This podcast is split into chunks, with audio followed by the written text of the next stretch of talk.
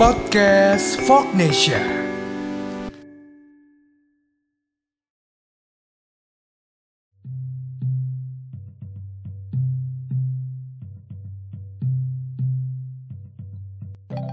kala di wilayah Gunung Wulur Mahatus, terdapat batu karang yang bagus bentuknya.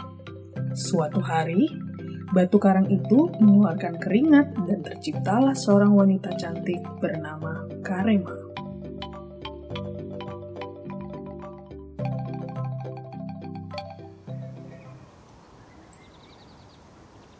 Ya Tuhan, kalau Tuhan berkenan, tolong beritahu di mana aku berada dan tolong berikan satu teman hidup untukku. Setelah mengucap doa, batu karang tersebut pun terbelah dua dan muncullah seorang gadis. Karema pun tidak hidup sendiri lagi. Hei, namaku Karema. Aku yang berdoa supaya Tuhan memberikan teman hidup untukku dan muncullah dirimu. Kamu akan aku beri nama Lumi Muut karena kamu berasal dari batu yang berkeringat. Sekarang, marilah kita hidup berdampingan. Selang waktu berjalan, Lumi Muut sudah tumbuh dewasa. Dan menurut Karema, sudah saatnya Lumi Muut memiliki keturunan. Lumi Muut lalu dibawa ke sebuah puncak tebing dan dihadapkan ke berbagai arah angin sambil didoakan agar Lumi Muut bisa hamil.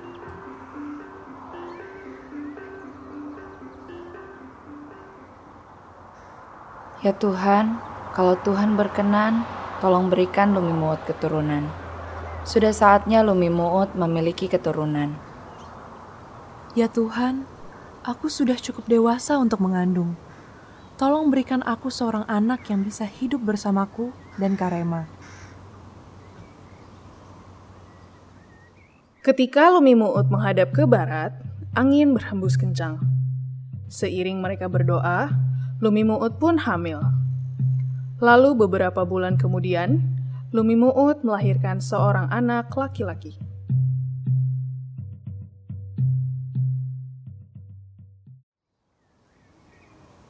Karema, lihatlah. Aku melahirkan seorang anak laki-laki. Hendaklah anakmu aku namai Toar, karena ia tercipta dari angin yang kencang.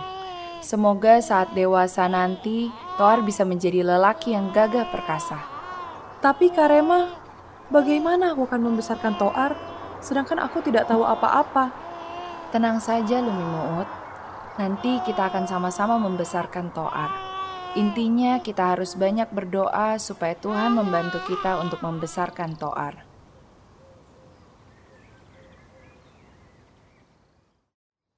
Karema dan Lumi Muut lalu berdampingan membesarkan Toar sampai menjadi pria yang gagah perkasa.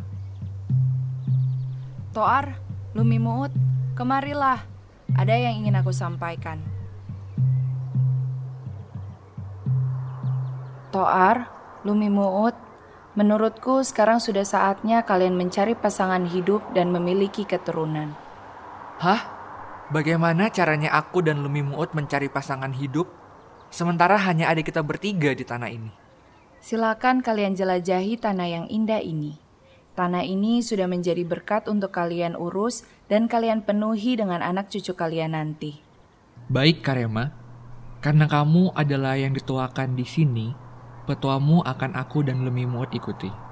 Tapi sebelum kalian pergi menjelajahi tanah ini, ambillah masing-masing satu tongkat untuk kalian bawa.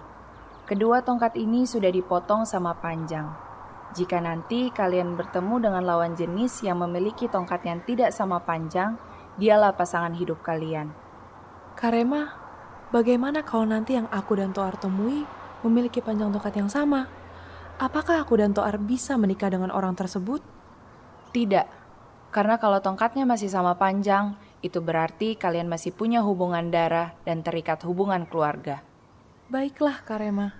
Kalau begitu, sekarang saatnya aku pergi mencari pasangan hidup. Karema, terima kasih untuk nasihatmu. Sekarang izinkan aku pergi untuk menjelajahi tanah ini dan mencari pasangan hidup juga.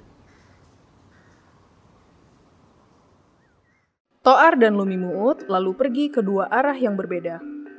Toar pergi ke arah hutan rimba, dan Lumimuut pergi ke arah pegunungan tinggi. Lama waktu terlewati, mereka tidak menemukan satu pun orang yang dapat dijadikan pasangan. Tanpa disadari, selama perjalanan, ukuran tongkat Toar memanjang dengan sendirinya.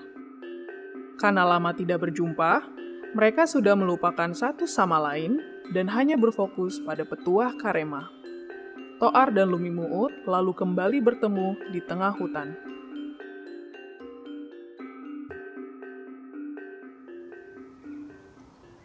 Hei kamu yang di sana, apa yang kamu bawa di tanganmu?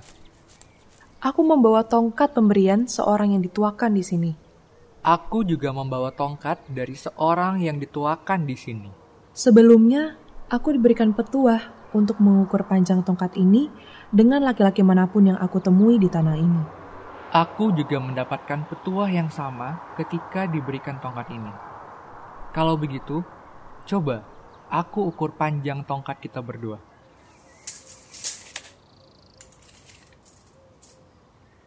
Ternyata ukuran tongkatku lebih panjang dari yang kau bawa. Kalau begitu, kenalkan, namaku Toat.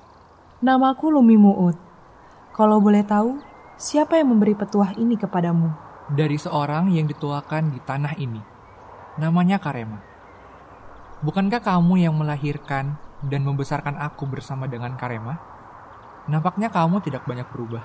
Betul, aku Lumi Muut yang mengurusmu sejak kecil. Kalau begitu, berarti sekarang saatnya kita memenuhi petuah Karema. Mari kembali ke tempat sebelumnya yang terdapat batu asa kita untuk bertemu Karema.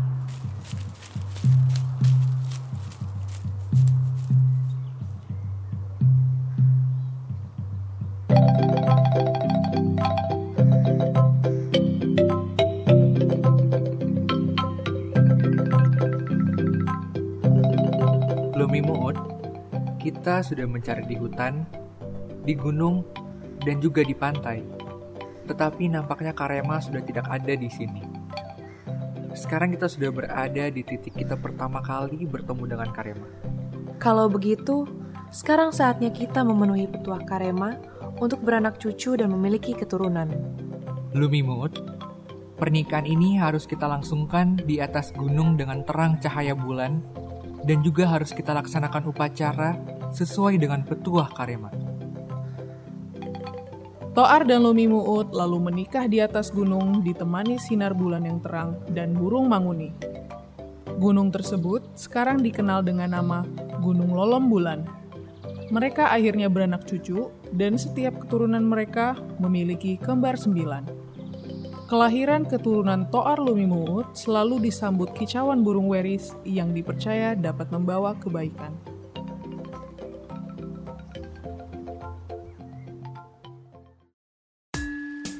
Hai, terima kasih sudah mendengarkan podcast Folknesia. Dalam episode kali ini, kami berkolaborasi dengan Desire Magdalena Roring, Putri Indonesia Sulawesi Utara 2020, dan Gabriela Valencia Sumual, Miss Indonesia Sulawesi Utara 2020. Sampai bertemu di episode selanjutnya ya. Podcast Fognesia.